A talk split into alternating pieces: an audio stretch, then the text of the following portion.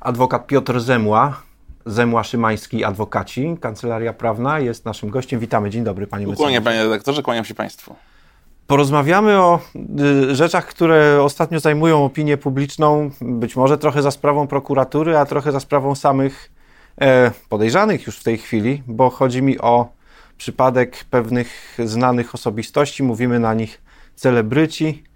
Jeden z nich był kiedyś politykiem, teraz będą mieli, mieli kłopot e, związany z udziałem w promocji wyrobów alkoholowych. E, no, osoby znane z nazwiska tutaj chyba będą funkcjonować jako Janusz P. oraz Jakub W. E, co ich czeka i co się stało, panie mecenasie? No, przede wszystkim, panie redaktorze, musimy wyjść od tego, że polskie prawo, i to zaznaczam, że chodzi mi o prawo polskie, e, zabrania reklamowania alkoholu i promowania alkoholu. Z pewnymi wyjątkami dla e, piwa, ale jak doskonale wiemy, nie o piwo e, się tutaj w tym przypadku rozchodzi. Jak rozumiem z doniesień medialnych, sprawa została wszczęta przez prokuraturę po y, złożeniu doniesienia przez jednego z tak zwanych aktywistów miejskich. Tak. E, I no, siłą rzeczy prokuratura jest związana z zasadą legalizmu. To znaczy, że musi ścigać każde przestępstwo, jeżeli to przestępstwo istnieje. E, I jeżeli doszła do wniosku po analizie na przykład e, profili instagramowych, czy facebookowych, czy twitterowych tych osób, o których rozmawialiśmy, to musi im postawić zarzuty, jeżeli uznaje, że te publikacje stanowią przestępstwo. Jasna sprawa. W tym wypadku rozumiem, że do takiego wniosku doszła, skoro, skoro już nie tylko wszczęła śledztwo w sprawie, ale mamy teraz etap śledztwa e, przeciwko konkretnym osobom, bardzo mocno zaangażowanym w produkcję no i promocję wyrobów alkoholowych. Tam kiedyś były i zbiórki na, na, na, na udział w zyskach tego przedsięwzięcia. Żeby było jasne, pan mecenas nie jest obrońcą żadnego z nich, ani też nie stoi po nie, absolutnie. drugiej stronie. W innym wypadku obawiam się, że nie mógłby być gościem pana redaktora. Mógłby pan, tylko że wtedy rozmowa wyglądałaby nieco inaczej. Tym razem. Krócej, jak sądzę. Może też krócej. Tym razem, tym razem rozmawiamy o prawnych uwarunkowaniach całego tego e, zjawiska czym jest promowanie i czy, czym się różni od reklamy wyrobów alkoholowych? Bo rozumiem, że tutaj mamy do, do czynienia z y, tego rodzaju aktywnością. Jakbym teraz wyszedł przed Państwa redakcję i do szklanek rozlał alkohol i proponował go za darmo, to bym promował picie alkoholu, popełnił przestępstwo.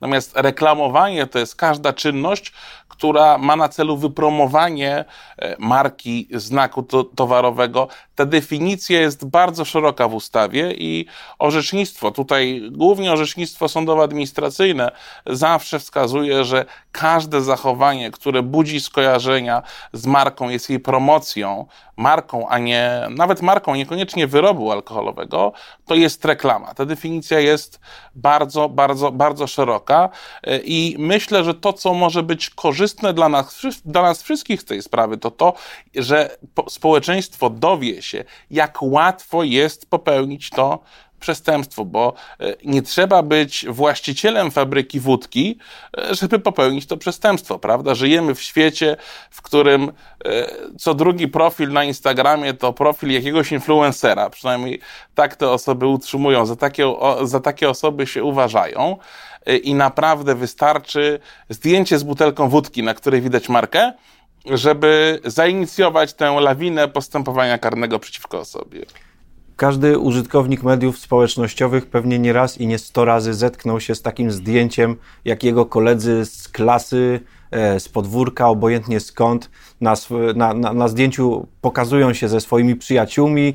Rzeczywiście pomiędzy, innymi stoi, pomiędzy nimi stoi jakaś butelka z jakimś napojem, jest dobra zabawa, pozdrawiamy Was z naszej imprezy. Czy to jest promocja wyrobów alkoholowych? Musielibyśmy odpowiedzieć na wiele pytań. Przede wszystkim, e, no, wydaje mi się, że to byłoby już e, pewne redukowanie rzeczy do absurdu. Natomiast w świetle e, przepisu prawa jak najbardziej możliwe, jeżeli trafimy na, na jakiegoś nadgorliwego prokuratora czy później sędziego.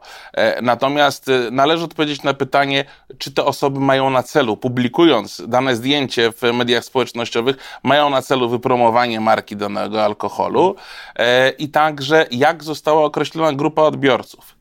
Bo e, reklama musi, nie może mieć zamkniętego kręgu odbiorców, prawda? To, e, żeby ten, to musi być po prostu post publiczny. To analogicznie jak na przykład przy zniesławieniu za e, pośrednictwem środków masowego komunikowania. To nie oznacza, że żeby mówić o reklamie alkoholu poprzez post w mediach społecznościowych, musi się z tym postem zapoznać kilkadziesiąt, kilkaset tysięcy osób. Wystarczy, że będzie taka możliwość pan mecenas, żeby utrudnić trochę, y, wspomniał o rozróżnieniu między promocją a reklamą.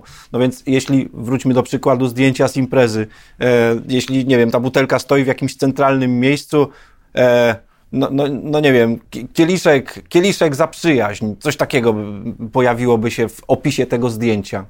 Są kłopoty, czy nie ma? Wydaje mi się, że nie możemy jednak tracić z pola widzenia przy stosowaniu prawa zdrowego rozsądku. No to nie trudno znaleźć na e, Instagramie, na Facebooku zdjęcie, na których w tle stoi alkohol.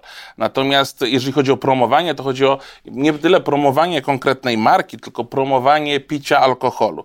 Z reklamą mamy do czynienia wtedy, kiedy mówimy o e, konkretnej marce, a nawet, żeby jeszcze tę skalę absurdu powiększyć, e, to niektórzy przedstawiciele doktryny wskazują, że być może e, należałoby też rozważyć e, kwalifikację z artykułu 208 kodeksu karnego, czyli rozpijanie małoletniego. Myślę, że to jest abstrakcja już tak daleko posunięta, e, że takiego niebezpieczeństwa nie ma. No po coś mamy ten przepis, który wprowadza przestępstwo reklamowania alkoholu, żeby nie zrównywać tych zachowań rozpijania i promowania, bo rozpijanie to nie tylko podawanie małoletniego alkoholu, małoletniemu alkoholu, ale także zachęcanie tego małoletniego do spożywania. Małoletni może nigdy nie sięgnąć za tą namową po kieliszek, a i tak, jeżeli spełnione zostaną konkretne warunki, to sprawca takiego namawiania może zostać uznany winnym rozpijania małoletniego.